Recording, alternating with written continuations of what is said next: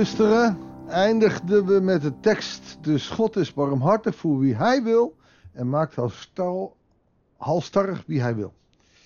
Deze tekst is ook meteen een gevaarlijke tekst. Dat betekent dus dat wij geen vrije wil hebben, maar dat als God wil dat dat gebeurt. Dit is de geknechte wil, als we dit letterlijk zo gaan overnemen. De vraag is of we dat moeten doen. En dat is eigenlijk ook de vraag waar de Romeinenbrief, waar Paulus hiermee bezig is. Vandaar dat we nu verder op het thema van gisteren ingaan. Goeiedag, hartelijk welkom bij een nieuwe uitzending van het Bijbels Dagboek. Want terecht stelt meteen Paulus de vraag, maar nu zult u vragen, waarom roept God ons nog te verantwoording dan? Niemand gaat dan toch in tegen zijn wil? Wie bent u eigenlijk dat u, een mens, iets tegen God zou inbrengen? Dat is ook meteen, dit is meteen een gedeelte waarin, nou, toch wel een, een groot deel van de traditionele kerk, uh, die geknechte wil vandaan haalt. Het is God die zijn wil doet en wij moeten zijn wil volgen, uh, maar uiteindelijk kiest God. Of we in zijn genade horen, weet je, je kan nog zo je best doen. Je kan drie keer op een zondag naar de kerk gaan. Als God het niet wil, dan. Dat, staat, dat gaat in tegen alle vorm van uh, kiezen voor Jezus, persoonlijke relatie hebben met Hem. Dat gaat in tegen nou, van alles en nog wat. Dus we gaan eens kijken wat Paulus hier verder mee gaat doen. En dan begint hij over de pottenbakker. Vraagt het aanwerk soms aan de pottenbakker. Waarom heeft u me gemaakt zoals ik eruit zie? Heeft de pottenbakker niet de vrijheid om van diezelfde klomp klei, zowel een kostbare fase als een alledaagse pot te maken? Ook dit geeft meteen te denken van ja, God die maakt een, een, een mooie vaas van je of een, een alledaagse pot. Alleen er staat een vraagteken achter. En dan gaat nog verder. God heeft degene die het voorwerp van zijn toorn zijn en die hij bestemt voor de ondergang met veel geduld verdragen, opdat hij zijn toorn ook wil tonen en zijn macht kenbaar wil maken. Aan de ene kant gebruikt hij dus de mensen die tegen hem kiezen. Maar er staat iets in met veel geduld verdragen. Dat is de tussentijds gedachtegoed. Als God persoon X echt had geschapen om tegen hem in te gaan, zodat hij persoon X kan gebruiken als voorbeeld, dan zou je kunnen zeggen dat de farao geboren is om uiteindelijk het volk dwars te liggen, zodat God kan laten zien dat hij sterker is. God heeft ook aan farao de kans gegeven om het goede te doen. Alleen al door de tien waarschuwingen en de tien plagen die er waren. God heeft Farao de kans gegeven. Maar Farao deed er niks mee. En daar staat er wel, omdat hij bestemd was om te doen wat. Maar ondertussen staat er wel dat hij de kans had gegeven. Als God dan in zijn wil alles van tevoren heeft bepaald, dan zou die kans, dan zou dat tussenzinnetje er niet staan.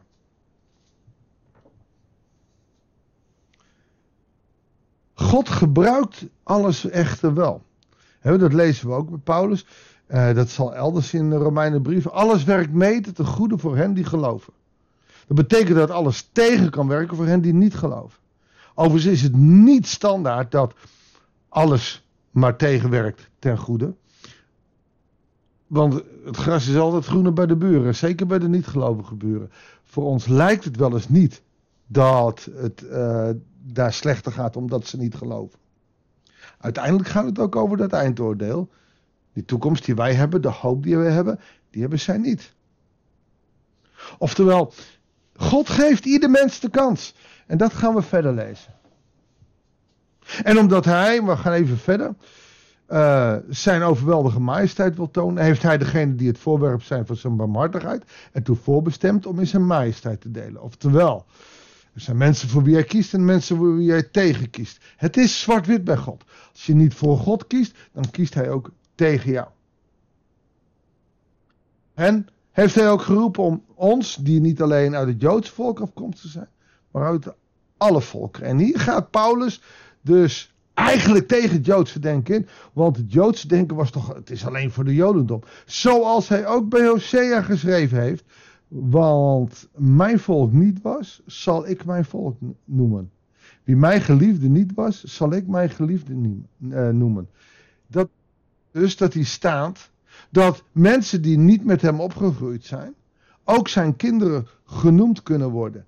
En wanneer kan je zijn kind genoemd worden? Dat is niet wanneer je, en nou komt de aap de mouw, puur Jood bent en that's it. Nee, je kunt zijn kind genoemd worden wanneer je hem aanroept als Abba Vader. Wanneer je hem de erkenning geeft dat Christus Jezus voor jou gestorven is en opgestaan. Dan zal hij jouw kind noemen. Dan ben jij erfgename van de Allerhoogste God. En dat is heel wat anders dan dat God jou heeft uitgekozen en jou niet. Natuurlijk heeft hij eerst de Joden uitgekozen. Weet je, ik heb een oudste broer. Een stuk ouder dan mij. Die was de eerste. Maar dat betekent niet dat ik minder ben omdat ik jonger ben. En natuurlijk zijn er mensen die tegen God zijn. En dan noemt hij ook, die zijn voorbestemd om. Dat betekent niet dat hij van tevoren zegt, nou die gaat slecht doen en die gaat goed doen. Nee, ieder mens krijgt de kans. Je krijgt de kans om erfgenamen te worden van de Allerhoogste. Betekent dus, en nou ga ik even dwars tegen Paulus in, dat je tegen de pottenbakker kan zeggen: Hallo, ik wil niet een kostbare vaas of ik wil niet een, een pot. Nee, het maakt helemaal niet uit of je een kostbare vaas bent of een pot. Het gaat erom dat jij van de Allerhoogste verwacht dat hij jou gemaakt heeft. Dus of hij je nou als pot of als vaas gemaakt heeft, dat maakt niks uit. Het gaat erom dat je erkent dat hij de pottenbakker is. Het gaat niet om de vaas. Het gaat niet om het voorwerp. Het gaat erom dat jij hem erkent. En wanneer wij God erkennen, als wij Jezus erkennen, als we door de kracht van de geest willen leven, dan zijn wij erfgenamen van het koninkrijk van God.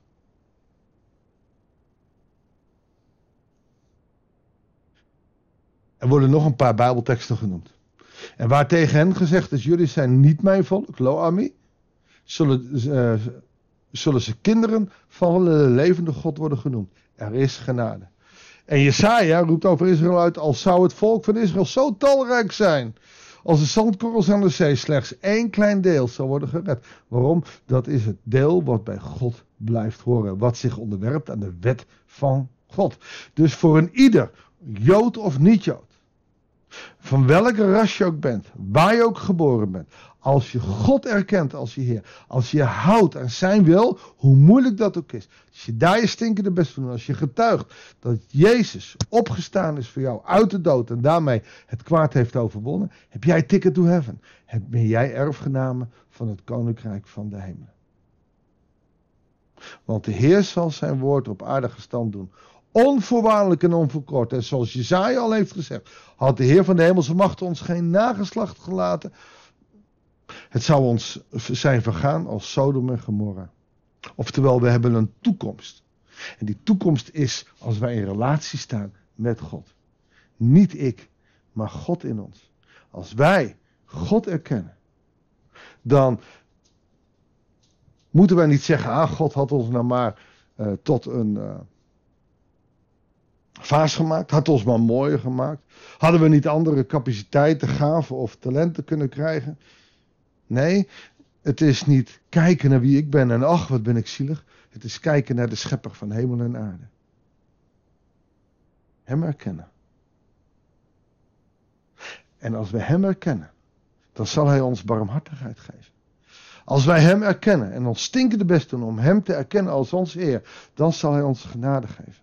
Want wij hebben het niet verdiend, het komt van God.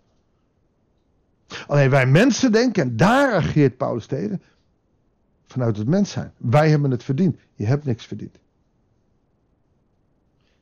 God heeft ons gekozen. Ons mensen. En en ieder die voor hem kiest, zal door hem ook uitverkoren blijven. Zal door hem gezegend worden. Zal door hem begenadigd worden. Heb je dus een kans? Ja, natuurlijk heb je een kans. Je hoeft niet bang te zijn dat God je verlaat als jij God niet verlaat. Maar, en dat hebben we al eerder gelezen, als wij God verloochenen, zal ook hij ons verloochenen. dat zijn harde woorden. Uh, lees het maar in 2 Timotheus 2. Ik heb ze al vaker geciteerd. Um, en dat is, dat is keihard, maar het is wel de waarheid. Mag ik voor je bidden? Heere God, soms is het heel moeilijk om te blijven geloven. Soms struggelen we. En denken we, ja, alleen de wil van de Hemelse Vader. En als u wil dat wij. En dan moet het ons vergeven worden. Natuurlijk, het begint bij u. U heeft de mens uitgekozen. U geeft ons liefde en genade, Heer. Het is aan ons of we dat willen ontvangen. En willen wij een ticket to heaven, Heere God, dan hoeven wij alleen maar te erkennen dat u onze Heer bent. En soms denk ik dan, waar doen we nog zo moeilijk over? En het is soms ook ingewikkeld. Want in deze maatschappij waar alles gaat om de ik, gaan we dan opeens door u zeggen nee, de ander. Heere God, wilt u ons zegenen? Wilt u ons helpen door de kracht van uw geest? Om uw erfgenamen te worden door u te erkennen in ons leven. Dat betekent wel dat er het een en ander gaat veranderen in ons leven. Want als u gaat regeren als koning in ons leven, God, dan verandert er zoveel. Wilt u ons daarmee helpen? Wilt u ons daarmee zegenen? Dat bidden we u in Jezus' naam. Amen. Dankjewel voor het luisteren. Ik wens je God zegen en heel graag tot de volgende uitzending van het Bijbelsdagboek.